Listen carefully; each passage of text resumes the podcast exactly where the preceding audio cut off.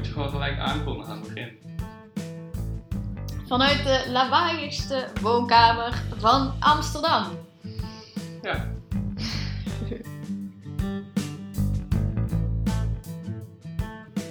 Ik word eh, bijna zenuwachtig om mijn eigen vriendje te interviewen. Of om te praten met mijn eigen vriendje. Rustig maar. Komt allemaal goed. Het is gewoon net alsof je aan de oude bent. Ja, goed. Ik laat ik eerst maar eens even uitleggen hoe ik eh, tot dit, eh, of op dit idee ben gekomen. Ik werk als onderwijskundig ontwerper eh, en onderzoeker. Wat betekent dat ik ehm, nu bezig ben met het bouwen van een curriculum voor een nieuwe ICT-opleiding. En ehm, voordat ik aan het proces begon, ging ik zoeken naar methoden om een ontwerpproces voor ja, eh, curriculumvormgeving eh, ja, eigenlijk te kiezen, wat ik als leidraad zou nemen. En toen kwam eigenlijk heel veel design thinking omhoog. En design thinking ken ik eigenlijk meer vanuit eh, mijn vriend. Want mijn vriend is industrieel ontwerper. En ik had hem al veel vaker het, ja, over design thinking gehoord. Dus uh, eigenlijk dacht ik van nou, ik moet jouw expertise inzetten ja, voor, voor mijn proces als onderwijskundige, om daarvan te leren. Dus, meneer Robin Vermeulen, misschien uh, kan je even iets over jezelf vertellen, over wat je precies doet in je werk. En uh, hoe design thinking eigenlijk op jouw pad is gekomen nou ja, eh, op mijn pad is gekomen door het feit dat ik industrieel ontwerpen ben gaan studeren. Mhm. En design thinking, wat nu een term is, eigenlijk de kern van dat hele vak is. Ehm, dus het is eigenlijk heel simpel. Ik noem het eigenlijk vaak bijna een mindset en niet eens een proces. Want er is een heel mooi proces hoe, wat mensen visualiseren als ze het erover hebben. Maar eigenlijk gaat het er gewoon om dat je een, voordat je begint heel duidelijk een ontwerpprobleem definieert. Mhm. Ehm, eh, empathie toont naar de gebruiker. Dat klinkt in het Engels veel eh, minder gevoelig dan in het Nederlands, maar dat is waar het op neerkomt. Mhm. Ehm, en dan vervolgens concepten gaat ontwikkelen die dat probleem oplossen. En die weer gaat testen. Ja, die, daar maak je prototypes van. En die test je weer met die gebruiker. En zo ga je door een loop waar je uh, eerst ja, divergeert en convergeert constant. Dus je gaat eerst heel breed kijken wat is het probleem. En vervolgens ga je dat proberen in te kaderen ja, hoe je dat op kan lossen. En zo ga je een paar keer door een cyclus heen, dat noemen we iteraties. En dat kan eigenlijk met alles. Want het is ooit begonnen voor productontwerpen, maar het kan voor veel abstractere dingen ook helpen. Het kan ook voor processen helpen. Het is eigenlijk dus je hoeft geen ontwerper te zijn om op die manier te denken. Maar is het zo dat uh, industrieel ontwerpers altijd met design thinking werken of is het een van de vele methoden die je kan kiezen?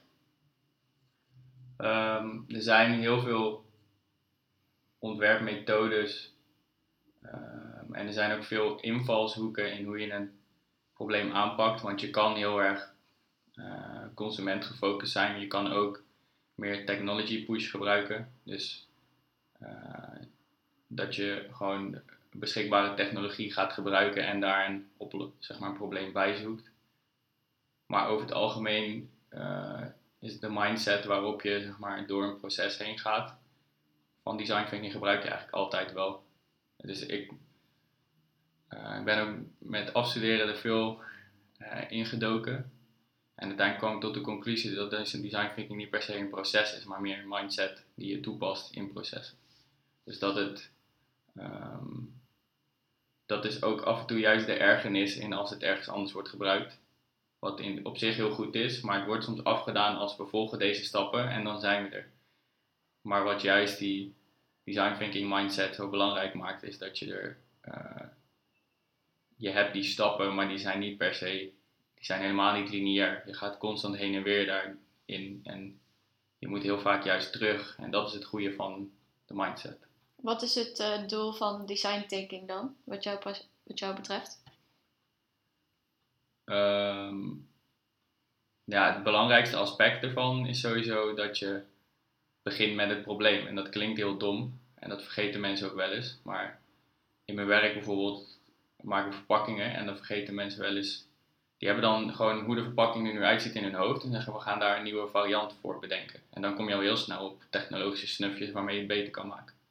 Maar er wordt nooit een keer bedacht, ja, wat doet die verpakking eigenlijk? En dat is heel basaal, maar het is vaak, ja, het, het uh, bevat een product en het moet, uh, transporteer, het moet dat product transporteerbaar maken. En zo kun je heel erg gaan bouwen naar wat het doet. En vervolgens ook wat het probleem is, waarom, wat je nu op wil lossen. En daarmee beginnen uh, is eigenlijk het belangrijkste doel van die mindset. Is dat je dat, ja, dus je het probleem definieert en het probleem gaat oplossen. En welke methode je nou gebruikt aan Agile, Scrum en uh, Lean en weet ik het allemaal, ja, dat maakt niet zoveel uit, want dat is uh, daarbovenop, zeg maar. Ja, ja ik, ik herken het wel een beetje wat je zegt.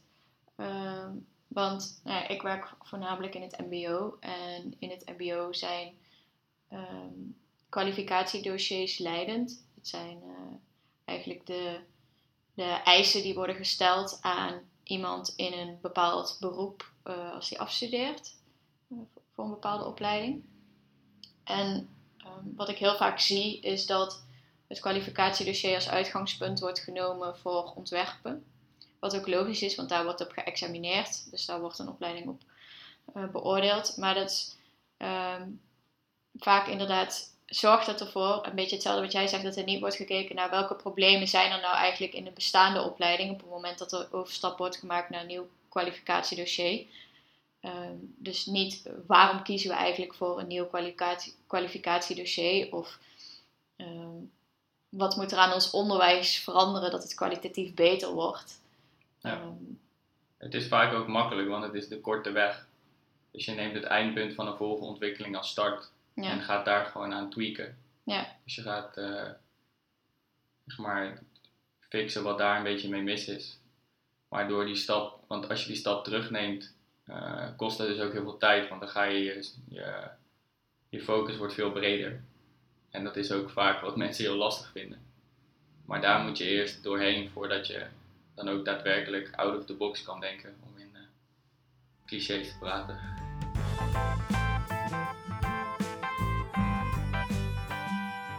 we kunnen door de verschillende fases van, van uh, design thinking heen lopen. Um, in het Nederlands invoelen, definiëren, ideeën vormen, prototypes maken en testen.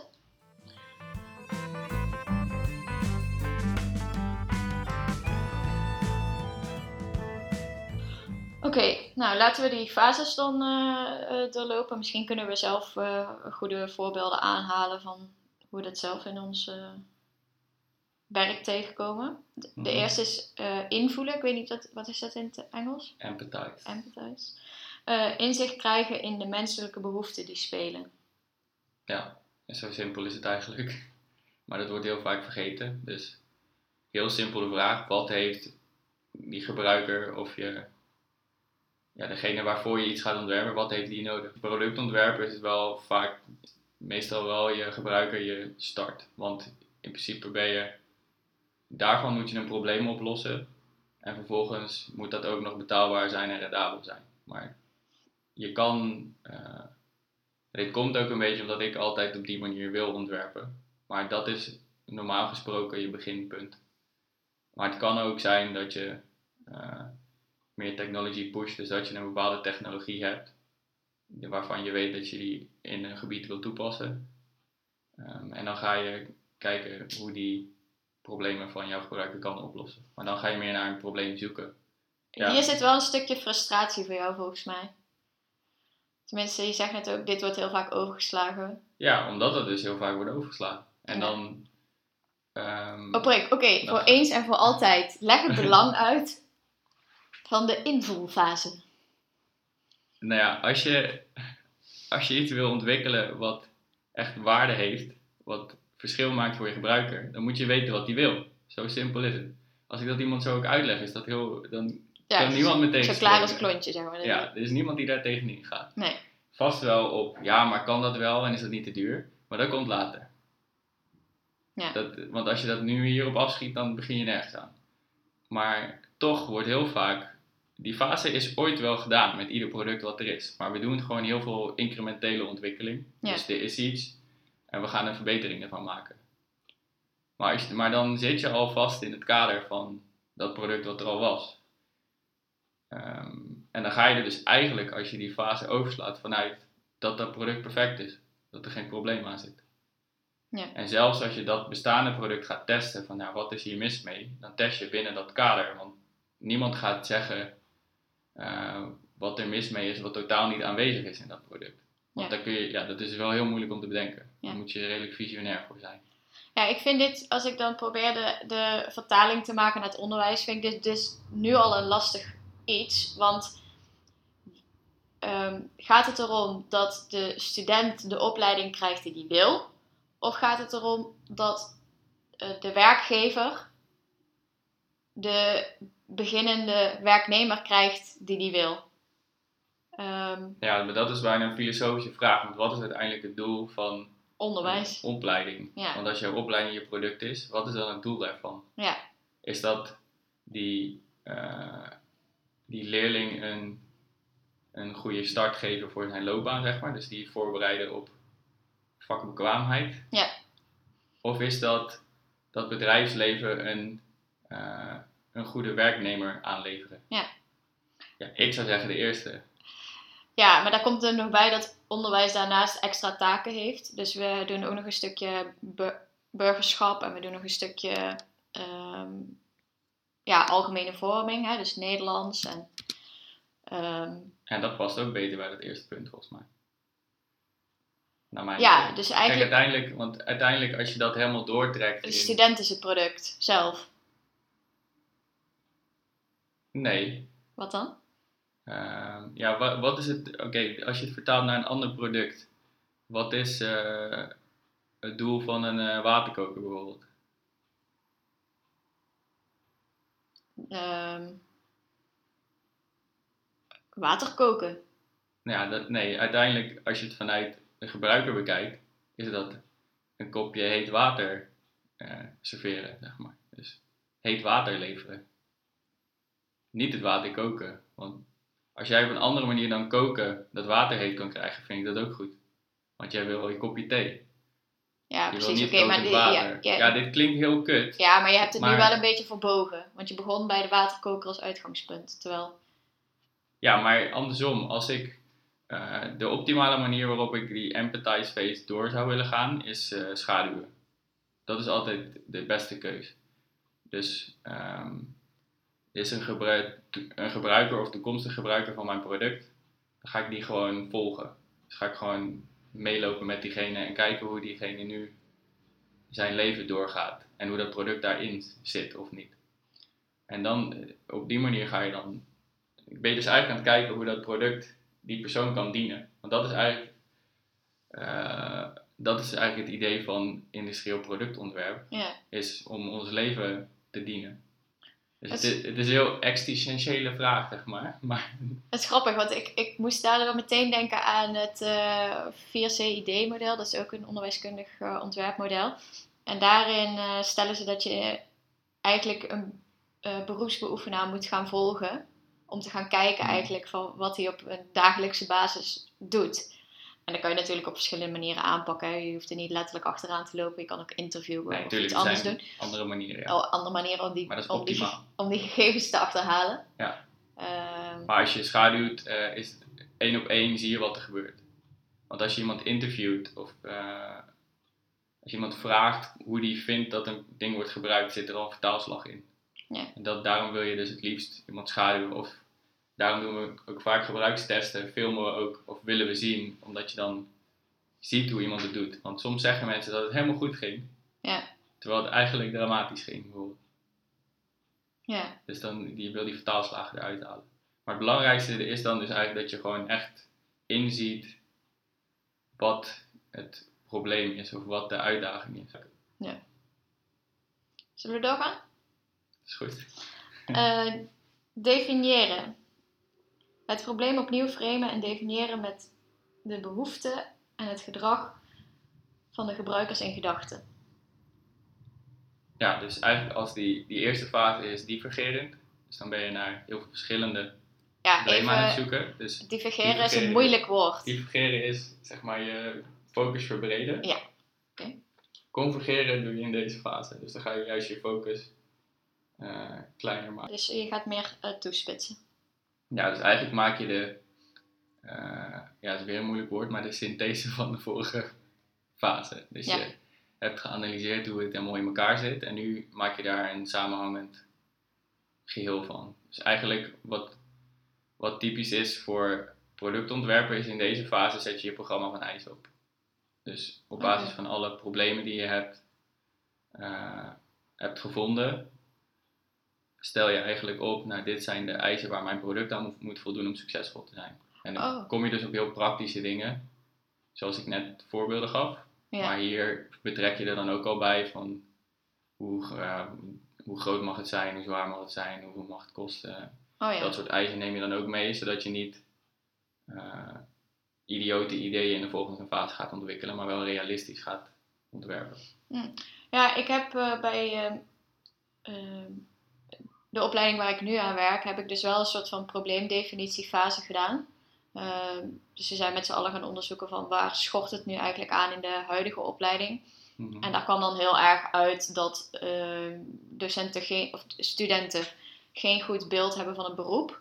Dus dat ze niet goed weten eh, hoe die beroepspraktijk er nou eigenlijk uitziet. Dus voor, bij wat voor type bedrijven komen ze nou eigenlijk te, of zouden ze kunnen gaan werken. Of, eh, zeg maar daar geen goed algeheel beeld van hebben en zich dus ook niet goed daar eh, naar gedragen. Dus niet goed begrijpen waarvoor je wordt eh, opgeleid en dus ook niet goed aanvoelen van, oh ik ben eigenlijk, ik moet een stukje professionaliseren, zeg maar. Dus de studenten waren heel erg nog schools. Heel, ze ervaren school echt als school. Mhm.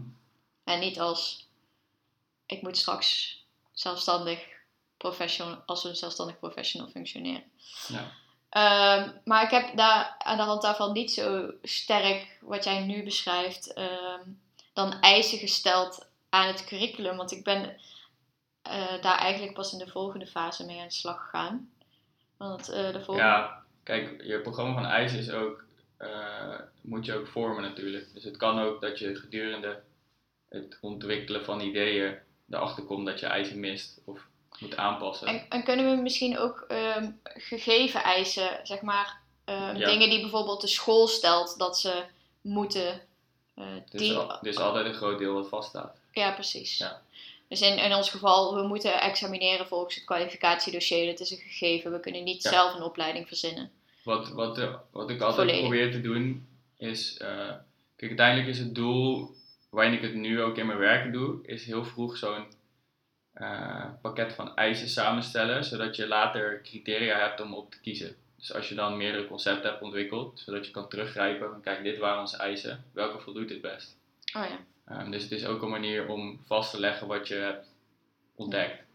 En dat dat niet eh, zeg maar in de lucht blijft hangen, want dan krijg je veel meer persoonlijke keuzes uiteindelijk. En ja, je hebt gewoon eisen die, die zijn non-negotiable, die moeten er gewoon zijn. En je hebt must-haves die er gewoon in moeten zitten. Ja. Maar je hebt ook vaak nice-to-haves. Dus wat heel mooi is als het er is, maar niet dat je product of je opleiding niet functioneert als je die niet hebt. Nee, En precies. zo moet je vaak wel een beetje onderscheid maken. Ja. Dus eigenlijk ga je in die definieerfase gewoon de, de kaders soort van. Ja, je Formuleren. bepaalt eigenlijk wat je gaat ontwerpen zonder dat je het ontwerpt. Ja. Je doet eigenlijk alles waar je ontwerp aan moet voldoen. Ja. Zet je op. Oké, dan de volgende fase is ideeën vormen.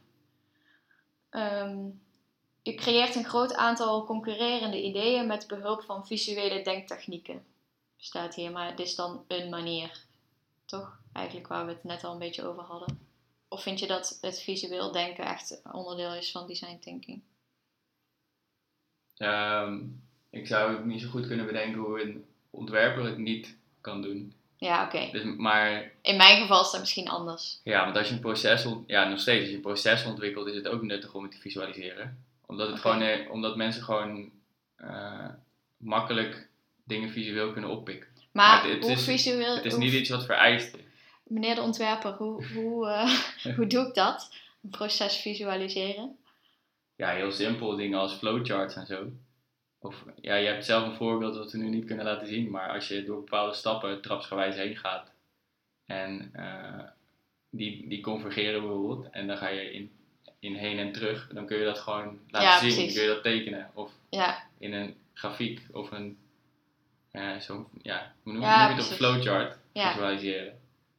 Dan kan dat helpen. Maar het is bij, als je daadwerkelijk iets van een product aan het ontwerpen bent, dus een, een product wat je in je handen kan houden, want niet het digitaal product per se, dan is het gewoon heel nuttig. Want vaak moet je visualiseren om ook de technische uitdaging te zien of niet.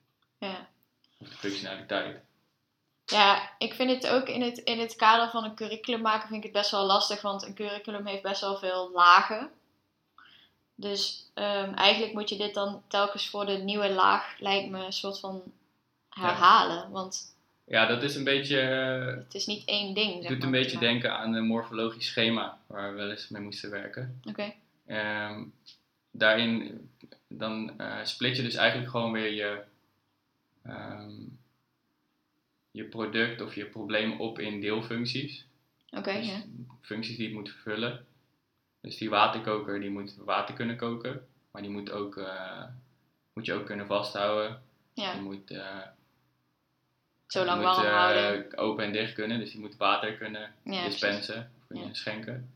Zo kun je een heel simpel product weer opdelen in subfuncties en dan bijvoorbeeld daar eerst ideeën voor gaan bedenken. Ja, dus Dus dan kan het een schroefdop zijn om hem open en dicht te doen of een klepje wat open en dicht ligt, et cetera. Ja. En ja, dat is een mooie vergelijking. ja, dus dat is een makkelijke manier om deelproblemen op te lossen en dan kun je die vervolgens weer bij elkaar gaan brengen tot concepten. Dat Ja. werkt dus vooral bij heel. Kijk, mijn waterkoker is dan niet per se nodig, want dan kun je het wel omvatten wat er allemaal in komt kijken. Maar als je een auto ontwikkelt, dan wordt het alweer wat lastiger om alle functies in Ja. één keer erin te stoppen. Dus dan is dat wel weer nuttig. Ja, wij hebben het eh, bij onze opleiding, nou, ik vertelde al, het probleem was dan eh, dat die studenten geen goed beeld hadden van het beroep. En we, hebben de, we zijn tot het idee gekomen om te gaan werken met thema's in elke periode. En die thema's die zijn dan opgehangen aan een type bedrijf. Of ehm, ja, laten we zeggen een stukje van het beroep. Ja. Nou, in ons geval was het dan ICT'ers. En ICT'ers werken in verschillende contexten, verschillende omgevingen. En we hebben dus we zijn gaan onderzoeken van nou, wat is eigenlijk het verschil tussen die verschillende bedrijven. En die hebben we dus gebundeld in verschillende thema's. En daar gaan we dus nu ons onderwijs aan ophangen. Maar zoals ik al zei, dat is dan een idee voor zeg maar het grove ontwerp, zoals we het noemen, hè, voor het overkoepelende. Ja. Ehm, maar dat zit niet op lesniveau of op uh, uh, module op uh, ja, een lessenserie niveau, laat ik het zo zeggen. En je kan het een beetje vergelijken met een range van producten. Want daar werk je, dat autovoorbeeld is ook weer heel modulair. Want als jij een, uh, een model auto koopt, heb je vervolgens weer keuzes in onderdelen van die zeg maar, subfuncties van die auto die je kan aanpassen. Gewoon Ja, let, okay. letterlijk ook onderdelen, maar daardoor veranderen soms ook functies. Kijk, het eerst, je hebt voorbeelden die puur esthetisch zijn, dus gewoon uh, de kleur en, uh, en de velgen en zo. Maar je hebt ook uh, of er een radio in zit of niet. Mhm. Mm -hmm. En dan heb je gewoon extra functies of niet. Ja. En, maar, dit... ja, maar je voorbeeld van verschillende uh, rollen is misschien meer dat uh, je product voor meerdere toepassingen hebt. Dus je hebt een, uh, je kan een kinderwagen ontwerpen, maar vervolgens heb je ook heb je daarvan een variant die, waarachter je kan hardlopen. En je hebt er eentje die, waar de maxi uitgeklikt kan en ook een autostoel kan worden. En zo heb je meer varianten binnen een ontwerp. Dat, dat kan ook weer. Ja. Dat is enigszins, wel enigszins vergelijkbaar. Nou, um, wat jij net zegt, dat je bijvoorbeeld bepaalde dingen kan kiezen binnen uh, een auto die je koopt. Ja, keuzevakken. Uh, ja, zou je inderdaad dan kunnen denken aan keuzevakken. Dus uh, welke ja. elementen van je ontwerp zijn flexibel. Ja. Ehm, maar het moet nog steeds een auto zijn. Of het moet nog steeds een curriculum zijn wat dus de lading dekt voor Ja. ehm, een bepaald beroep. Ja, om nog terug te komen op dat visuele. Als je zo'n morfologisch schema maakt, ja, en ik omschrijf net van hoe je iets met een schroefdop of met een klepje of zo kan doen, dan Ja. hoef je natuurlijk niet meteen ook te visualiseren. Sommige dingen zijn, als je die uitschrijft, is het ook goed. ja, Maar er is altijd een manier waarop je het vastlegt. En dat, dat kan in woorden. Maar het wordt uiteindelijk vaak gevisualiseerd omdat dat meer informatie bevat ja. En, dan dat je het schrijft. in mijn geval maak ik gewoon schema's waarin staat periode 1, 2, 3, 4. Ja, Maar met, met producten werkt het gewoon vaak goed omdat je dan minder aan de verbeelding overlaat. Dus je moet het dan met een ontwerpteam eens worden over die visual. ja, En als het in woorden staat kun je vaak nog, dan vul je zeg maar 60% in, terwijl als je het visualiseert 90% of zo. Maar wat ik, wat ik niet echt heb gedaan is meerdere ideeën formuleren. Het is gewoon eigenlijk één idee waar je op doorgaat telkens. En die test je dan en dan, Ja, maar je, dat, dan ga je het weer Dat is ook iets wat niet zo vast ligt. Want ja, in de studie hebben we gewoon netjes geleerd, je moet altijd drie concepten ontwikkelen. Ja. Maar in de praktijk is daar ook heel Nee. vaak gewoon geen tijd voor om Nee. helemaal een concept tot in detail door te ontwikkelen. Nou ja, als je, het terug, als je erop terugdenkt, dan heb je waarschijnlijk wel meerdere concepten binnen het grote geheel Ja, gemaakt. Die je vervolgens alsnog tegen elkaar uit hebt gezet. Ja. Maar het is niet altijd een even officieel nee, precies. Eh, moment. Nee. Terwijl, Een idee kan ook gewoon een idee zijn. zeg ja, maar dat is ook het hele punt met die fases. Dus het is niet zo In eh, beton gegoten. Nee, het is niet zo van we hebben deze fase nu af en we trekken de deur dicht. Nee, precies. Maar de stage gate eh, principe, dat werkt hier niet. Ja. Dan de volgende. Prototypes maken. Nou, die prototypes die staan hier in redelijk grote hoeveelheden in ons huis. Super geheim en zo. Dus die, die zie ik in het echi. Maar dat kan ook op heel veel verschillende niveaus. Ja, maar zal ik even de definitie geven? Ja, dat is goed. Een praktische aanpak hanteren voor het maken van prototypes die vaak samen met de gebruik- gebruikers worden gecreëerd. Nou, dat laatste dat gaat voor jou niet echt op volgens mij. Nee, maar dat komt puur omdat met verpakkingen, dus als ik een fles maak of zo, dan heeft de gebruiker gewoon niet de tools of de, de skills om dat te kunnen. Nee. Maar als ik naar het voorbeeld van een fles ga, gewoon een, een flesje drinken die ik aan het ontwerpen ben, ontwikkelen, dan Ja. was de eerste stap heel simpel. Wat voor vorm ligt lekker in de hand? Dus begon ik gewoon met schuim wat je heel makkelijk kan schuren en kan vormen. Eh, dus echt gewoon bijna handenarbeid eh, klas. Ja, oké, maar daar zit dan nog wel het idee al voor aan vooraf van ik ga een fles maken die om die en die reden goed in de hand ligt. En dan ga Ja. je daarna dus hem echt maken. Ja, maar dat was de meest basic stap van een prototype. Nou ja, zolang als jij dat kan, dus als je dat schuim kan bewerken, dan zou je dat kunnen doen met gebruikers. Maar dat is, ja, je zou bij wijze van een eh, ontwerpsessie kunnen doen met kleien of zo, gewoon met gebruikers. Maar dat is misschien Ja. daar minder relevant. Want je Ja. wil vaak functionaliteit testen. Dus voor voor vervolgstappen kun je bijvoorbeeld 3D printen of zo. Ja, Of daadwerkelijk testsamples maken. Ja, Eh, die dan vervolgens, ja, hoe wij het dan meestal doen is dat je, je maakt dan van die prototypes, die geef je aan gebruikers, aan consumenten. Die gaan de, daar zo goed als mogelijk de gebruikssituatie nabootsen. Dus als je een eh, prototype eh, waterkoker hebt, dan ga je diegene die in een keuken laat, ga je vragen aan diegene om een kopje thee te zetten. Zodat je ook gaat zien hoe die ermee, dus Ja. of, al, of ook alles duidelijk is. Ja maar dit En is dan ga je eh, eigenlijk ook weer terug. eigenlijk de volgende fase al. Testen. Ja, maar die zijn dus ook niet zo.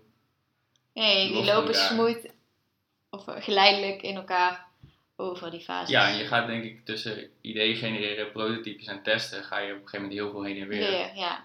En pas als je echt een. Als je echt een. Het kan best zijn dat er een groot inzicht uit dat testen komt, waardoor je eh, weer helemaal terug bij af, zeg maar, komt. Dus dat je je, daadwerkelijk probleemdefinitie aanpast.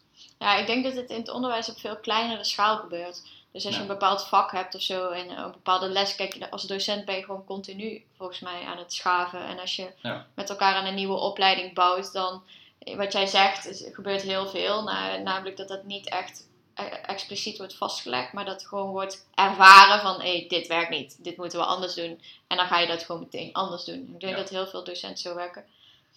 En waar veel op wordt gehamerd is dat je dat ontwerpproces eigenlijk vast zou moeten leggen. Dus dat je ehm, zou moeten eh, evalueren en moeten opschrijven van hé, hey, dit heb Ja. ik geprobeerd, dat heeft niet gewerkt, zodat je niet telkens hetzelfde aan het... Ja, maar mijn grootste uitdaging nu is ook om te achterhalen waarom iemand tien jaar geleden die fles zo ontworpen heeft. Ja, precies. Dat is het moeilijkste. En het zou fijn zijn geweest als iemand dat proces had vastgelegd. Ja.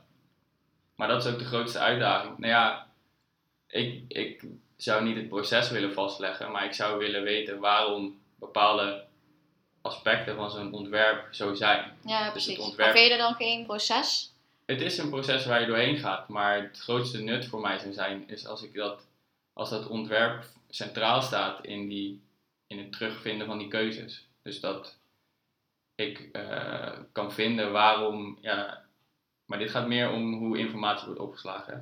Maar waarom is die fles zo groot? Of waarom eh, zit deze ronding erin of niet? Ja, Dat wil ik vinden. ja, En dan wil je dus niet in een proces terugzoeken welke keuzes zijn gemaakt, maar wil je gewoon weten welke keuzes hangen vast aan deze curve, aan ja. deze ronding. ja, dat is natuurlijk wel heel lastig om daar Ja. altijd... Want hoe zorg jij daar nu voor? Dat jouw jouw opvolger over tien jaar weet welke keuzes jij hebt gemaakt? Waarom is de fles zoals die is? Ik heb daar nog geen goede oplossing voor. Oké. Nou, beste luisteraars van de podcast. Als u hier een ik oplossing weet wel een zekere persoon die daar eh, zijn PhD op heeft gedaan. Maar- Oké, nou, wordt die de volgende? maar op die, op die fases terugkomen zie je dan dus wel, testen is eigenlijk soms hetzelfde als, als de empathize phase. Waarom? Omdat je als je het oude, als je begint met een oud product en die gaat testen als het eh, zeg maar invoelen wat het probleem is, Ja. ben je eigenlijk gewoon aan het testen, maar dan het oude. Ja, En als je jouw nieuwe ontwerp dan gaat testen, ben je eigenlijk weer aan het aanvoelen of je probleem klopt of niet en of je die gaat aanpassen. Dus daarom is het ook zo'n oneindige loop. ja. En Daar, daar komt het iteratieve vandaan. Ja, en de grootste eh, kritiek die ontwerpers ook krijgen is dat het nooit stopt. Maar ja, dat is de realiteit. Het is meer de vraag wanneer breng je het op de markt Ja, als nieuw product en ga je dan weer verder. Want alle producten om ons heen zijn ook nooit af. Want ze zijn constant in ontwikkeling.